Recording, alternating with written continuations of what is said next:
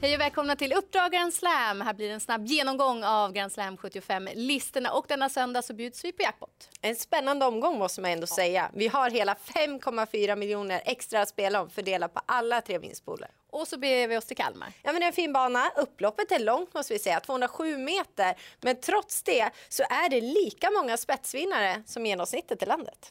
Och en aktiv som har bra koll på Kalmars travbana är Kim Eriksson.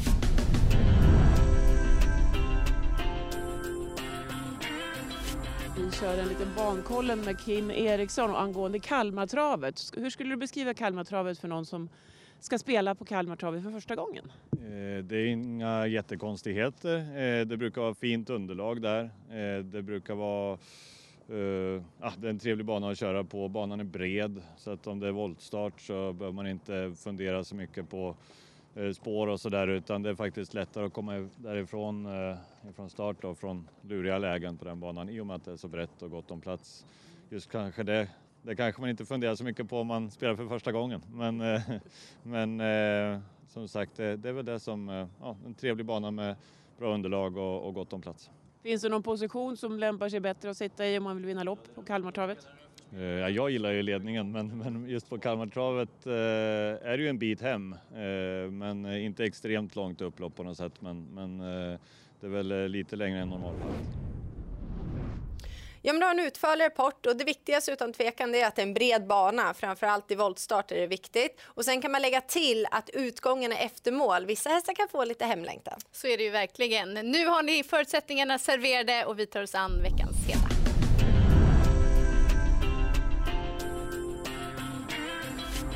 Vi börjar i den andra avdelningen med nummer sju, Cash Bore, som blir bättre och bättre i Monté hela tiden. Och eh, Malin Andersson eh, har ridit honom i alla lopp faktiskt, känner honom väldigt väl och det känns som att hon säkerligen litar på honom för varje lopp hon rider. Och han har gått fina tider över den här eh, korta distansen. Dessutom, det är inga problem för hans del i alla fall att tävla med skolbovarna. Nej, och går vi till den tredje avdelningen så är Kristoffer Eriksson lite orolig för spåret. Men som du nämnde inledningsvis, det är mycket plats när man voltar på Kalmar. Ja, jag förstår att han önskat ett annat spår än spår 5 för Oliver de Boss. Men faktum är att han har klarat spår 4 i volt tidigare och gjort det ändå väldigt bra, kommit iväg på bra sätt. Så jag är inne på att han löser det hela. Och här ser vi senast, visst han kanske borde ha vunnit, men det är en stor och rejäl häst som säkerligen går framåt för varje lopp han får i sin stora kropp. Och det skulle faktiskt kunna vara den här gången det lossnar på allvar för hans del. Och Joakim Lövgren kommer med tre betrodda hästar till Grand Slam 75-tävlingarna. Och jag tror mest på nummer 6, Lucky Guy Boko, i den fjärde avdelningen. Hästen har verkligen höjt sig i de två senaste starterna och visat bättre moral. Förutom den fina formen han håller så är jag ju helt inne på att den eh, fina nivåhöjningen beror på den amerikanska sulken som suttit på vid de två senaste starterna. Och när dessutom värsta motbudet har bakspår, ja då tycker jag att det ska vara Lucky Guy Boko som ska vara klar favorit. Och då går vi från en väldigt betrodd häst till en betydligt mindre betrodd häst i den sjätte avdelningen. Ja, leta skräll Nummer fyra, It's a promise, galopperade tyvärr dubbelt senast, glömde den insatsen innan. Så dess har hon visat väldigt fin uppfattning och gör så gott hon kan. Jag är inne på att det kan bli en liknande resa som vid segern på Halmstad, det vill säga innerspår och sen att de får luckan till slut. Då kan hon spida förbi dem igen. Sista heta hittar vi hos veckans profil Ola Samuelsson som har flera fina chanser. Och Ola Samuelsson som har haft ett väldigt bra år har ju slagit sina rekord när det gäller antal segrar och insprungna pengar.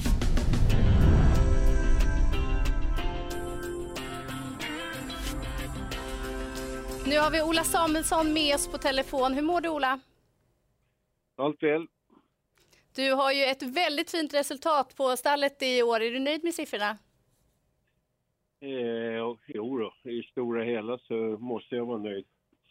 Vi hoppas att du är nöjd med de tre hästar som du har med dig till Kalmar på söndag. Ska vi börja i den första avdelningen med nummer åtta, Per Ubu. Nyförvärv, men vi ser ju på listan att han har funnits i din träning sedan mars månad. Ja, eh, han är opererad i framknäna så därför har det tagit tid. Har du bra erfarenhet av sådana här knäoperationer? Hur eh, bra brukar det falla ut? Det, det beror ju helt på hur slitet det är så att säga, men det känns bra efteråt i alla fall. Hur höga förväntningar vågar du ha då? Läget är såklart trist, men kapaciteten som han besitter, vad förväntar du för prestation? Ja, i det här läget så ställer jag inte så stora krav på honom. Det är ju en normalt sett en barfotadansare så att sen är han uppe i så pass hög klass så han måste ju komma igång och tävla. Det är svårt att trä, träna dem till stordåd när de är uppe på den här nivån. Och så att, eh, räknar väl med att starta en lite här under vintern och ha den riktigt i ordning till dags att få chansen att ta av skorna igen. Hur tänker du med utrustning och vagn inför den här starten? Ja, vi kör med vanlig vagn. Eh, vi, visserligen stänger vi in honom lite huvudlagsmässigt och sådär, men, men eh, och de här grammen han har på fötterna, de, de, måste han reda ut och dra på i alla fall om det ska bli något utav det. Så att, eh, men som sagt var, det är ingen, vi, vi, drar, vi sparar lite växlar. Då går vi vidare till den femte avdelningen där du ser ut nummer fem, Maleiva. Vad har du att säga där? Eh, skadedrabbad, men eh, gjorde en helt okej okay, eh, lillcomeback här sist som trea. Har känts fin efter det och eh, där kommer jag med bra känsla. Hon har ju tagit sina segrar från ledningen. Är det tillfälligheter eller trivs hon bäst där?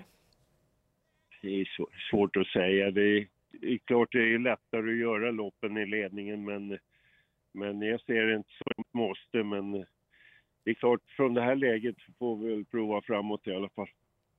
Och i avslutningen har du nummer sju, Andover Heaven. Inte det bästa läget, men formen den verkar vara på topp. Ja, han känns eh, riktigt fin för dagen. Så att eh, kan ju öppna ganska bra, så jag hoppas han kan trilla ner lite vettigt. Och då ska han duga rätt så bra i det här gänget tycker jag. Han har ju väldigt fin skostatistik också. Ja då, det är ingen fara. Så tre spännande hästar säger vi. Är det någon du lyfter fram som du har lite extra bra känsla för? Andover Heaven har bästa formen, men eh, bästa känslan är nog för Maleiva ändå. Då tackar vi så mycket för det Ola och lycka till på söndag. Tack du. Och vi är väl rätt överens Jennifer med Ola också? Ja men absolut, Maleiva hon eh, är hästen som verkligen sticker ut i det där loppet och jag fick höra precis de ord jag ville av Ola för att eh, hon är på gång nu när hon startar, det är inte allt för ofta men då gör hon det bra. Nu går vi vidare till veckans gala.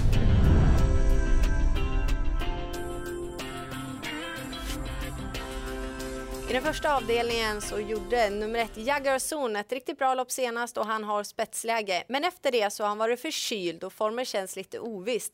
Dessutom är endast en av hans 12 segrar tagna med skor på hovarna och det var så länge sedan som 2017.